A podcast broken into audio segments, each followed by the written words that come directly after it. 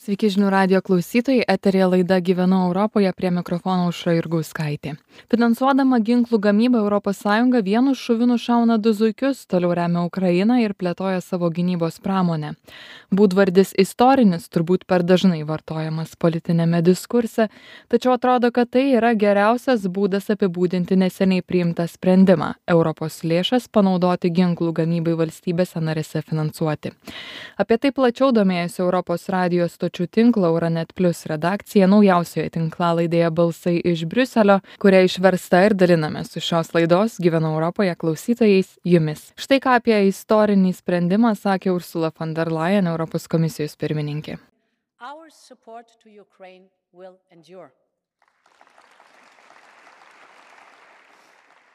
Mūsų parama Ukrainai išliks. Vien šiais metais atlyginimams ir pensijoms išmokėti skiriame 12 milijardų eurų kad padėtume išlaikyti ligoninių, mokyklų ir kitų paslaugų veiklą.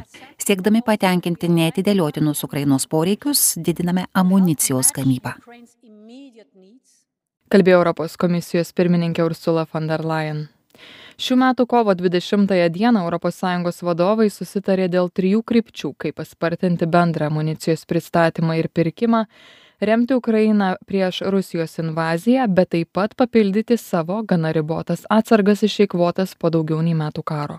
Netrukus po to, gegužės trečiąją, Europos komisija Briuselėje pateikė pasiūlymą dėl reglamento nustatančio vadinamąjį šaudmenų gamybos rėmimo aktą arba ASAP kuris, kaip žinote, taip pat reiškia kuo greičiau. Jo tikslas buvo suteikti Europos ginkluotės pramoniai 500 milijonų eurų, kad būtų padidinta artilerijos amunicijos, taip pat raketų gamyba karui Ukrainoje. Šis reglamentas pasinaudojo lengvatiniu teisėkuros būdu. Dėl šios rekordiškai greitos procedūros jį jau Liepos 24-ąją patvirtino visos ES institucijos - Europos parlamentas ir taryba. Per galutinį balsavimą ES asamblėjoje Strasbūre net 505 Europos parlamento nariai balsavo už tekstą, tik 56 buvo prieš ir 21 susilaikė. Tiesą sakant, net ir kairiojoje asamblėjos pusėje, kuri tradiciškai santūriau kalba apie gynybos biudžeto didinimą, priešinosi tik kairiųjų frakcija, keli nepriklausomi Europos parlamento nariai ir disidentai iš kitų politinių šeimų vilis ninisto europos parlamento narys iš suomijos iš žaliųjų europos laisvojo aljanso frakcijos kuris buvo atsakingas už derybas šiuo klausimu savo frakcijos vardu paaiškino tokio plataus susitarimo priežastį. Tiesą sakant per pirmąjį balsavimą šiuo klausimu birželio mėnesį jo frakcija susilaikė tačiau vėlesni reglamento pakeitimai pelnė jos palankumą Įterpta konkreti pastraipa apie tai, kad šie papildomi ištekliai didėjant šaudmenų gamybai būtų skirti Ukrainai. Ir tada, antra, taip pat aprūpinti savo saugyklas, kurios būtų išeikvotos remiant Ukrainą. Taigi tai yra vieninteliai šaudmenų gamybos didinimo tikslai.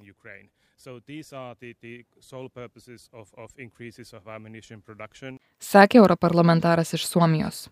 Neinisto pripažįsta, kad ES turi būti atsargi nagrinėdama tikrąją tokių sprendimų pridėtinę vertę, tačiau yra įsitikinęs, kad ASAP reglamentas, leidžiantis Ukrainai apsisaugoti nuo Rusijos invazijos, padeda remti demokratiją reglamentu siekiama paskatinti specifinių gynybos produktų būtent žemė žemė ir artilerijos šaudmenų taip pat raketų gamybą. Jame nustatoma sistema pagrįsta viena vertus finansinėmis priemonėmis kuriomis remiamas pramonės stiprinimas visoje tiekimo grandinėje ir kita vertus suderintomis reguliavimo priemonėmis užtikrinančiomis kad gynybos produktai būtų gauti laiku ir pakankamais kiekiais priemonės penki šimtai milijonų eurų finansinis paketas yra skubiai perskirstytas iš kitų esamų su gynyba susijusių programų.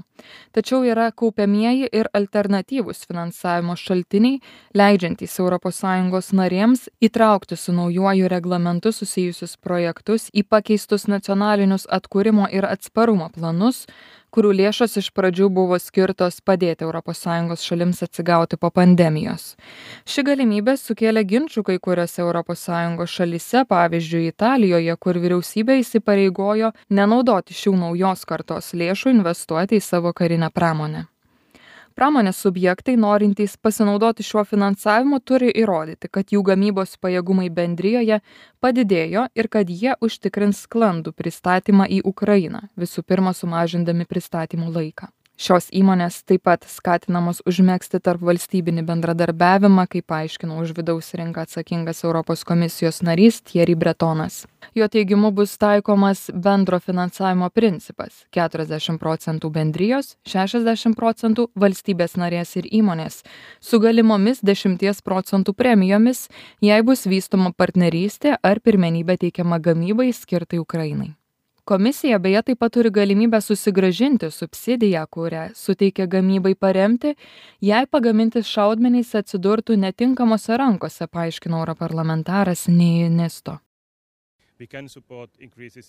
Mes galime remti šaudmenų gamybos didinimą, kai remiame Ukrainą ir mūsų pačių gynybą. Taigi reglamente yra išimtis neremti eksporto į kitas trečiasias šalis. Taip pat yra apribojimas nenaudoti pinigų iš sanglaudos fondų ir svarbios ES socialinės politikos bei kitų programų tikslino Europos parlamento narys iš Suomijos. Nors atrodo, kad prieštaraujančių balsų šiam istoriniam reglamentui pasigirsta nedaug, yra keletas kritikų.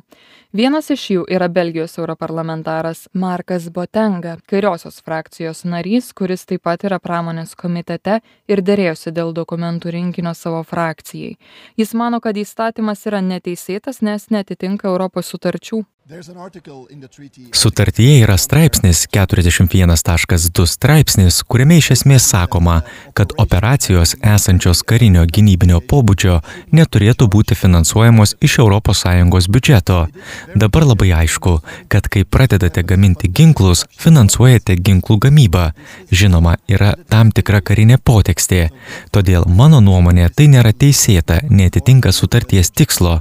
Beje, jei Europos investicijų bankas bankas norės prisidėti prie šios programos, jis turės pakeisti savo vidaus taisyklės, nes ir ten ginklų gamyba neįtraukiama į tai, ką turėtų remti sakė politikas. Visų pirma, jis mano, kad ginklų tiekimas Ukrainai nėra pagrindinis šio reglamento tikslas, o greičiau būdas atgaivinti Europos gynybos pramonę ir sukurti karinį pramoninį kompleksą Europos viduje finansuojamą iš viešųjų lėšų.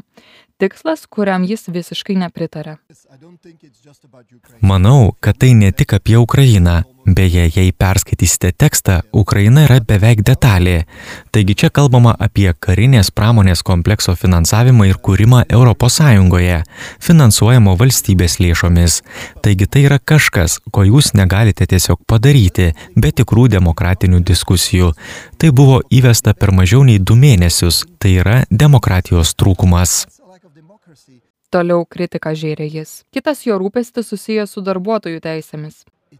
Bijau, kad tai taip pat turės labai neigiamą poveikį darbuotojams, nes nors mums pavyko profesinių sąjungų dėka išbraukti reikalavimą, kad darbuotojai dirbtų ilgiau, jau Prancūzijoje, Vokietijoje matome, kad įmonės nori, kad darbuotojai dirbtų kitaip, ilgiau ir tai turės socialiai neigiamų pasiekmių užbaigė Botenga. Iš tiesų, ES politikai nuo komisijos pirmininkės Ursulos von der Leyen iki ES vyriausiojo diplomato Josepo Borelio savo viešose kalbose nuolat gynė ryšį tarp būtinybės remti Ukrainą ir būtinybės atgaivinti ES ginklų pramonę.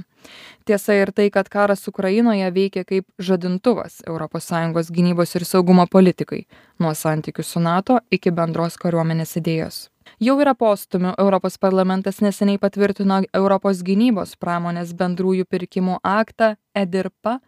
Trumpalaikę priemonę skirtą europos gynybos pramonei stiprinti per bendrus pirkimus grupiniams pirkimams finansuoti skirtas biudžetas trys šimtai milijonų eurų. Jame turi dalyvauti bent trys europos sąjungos valstybės. Tuo pat metu briuselis verčia valstybes nares didinti gynybos biudžetus. Pavyzdžiui komisijos narys bretonas pristatęs asap reglamentą ragino europos gynybos įmones pereiti prie karo ekonomikos režimo karui užsitęsus ukraina ir europos sąjunga apskritai gali likti vienos tvarkytis su jo kaštais ir kitomis pasekmėmis galbūt tai suprato ukrainos prezidentas volodymyras zelenskis per savo vizitą jungtinėse valstijose. Respublikonų politikai vis skeptiškiau vertina šios tolimos jiems šalies rėmimo išlaidas. Būtent tokias nuotaikas lygiai prieš savaitę šioje laidoje apibūdino ir europarlamentarė centro dešinės europos liaudies partijos narė rasa juknevičienė įstojus švedijai į nato devyniasdešim septyni procentai europos sąjungos piliečių gyvens nato valstybėse. Tai čia tas skirtumas tarp nato sąjungos jisai e, jisai jo nėra praktiškai išskyrus tai kad nato dalyvauja jungtinės amerikos valstijos didžioji britanija turkija pačios didžiausios pačios galingiausios e, karinės galios. Tai va čia to tas disbalansas yra toks didžiulis tarp sąjungos šalių. Devyniasdešim septyni procentai gyvena nato šalių gyvena sąjungoj o septyniasdešim procentų karinės galios visame nato yra jungtinės amerikos valstijos tai čia didžiulė disproporcija jau vien nato kontekste. Europos sąjungos šalys turi keisti savo požiūrį į saugumą į gynybą ir didinti išlaidas dėl to kad nu labai lengva gyventi kitų e, svetim kitų garantijomis. Tai čia ne tiktai todėl kad pasikeist gali administracija ir pasikeist požiūris ten politikų jungtinėse amerikos valstijose bet jų gyventojai kelia visuomenė amerikoj kelia klausimą kodėl mes turim tokius didelius pinigus skirti gynybai kai tuo tarpu sakykim vokietija pusantro procento nesugebėdavo skirti ir tuos pinigus skiria savo žmonių socialinei gerovei lygiai prieš savaitę žinių radijui sakė europarlamentarė rasa juknevičienė. Tiek šiandien laidoje gyvenu europoje. Primenu girdėjote europos radijo stočių tinklo euronet plius redakcijos naujausią tinklalaidę balsai iš briuselio kurią išverstą su jumis ir pasidalinau. Įrašą rasite mūsų svetainėje žinių radijas taškas lt. Likit su žinių radiju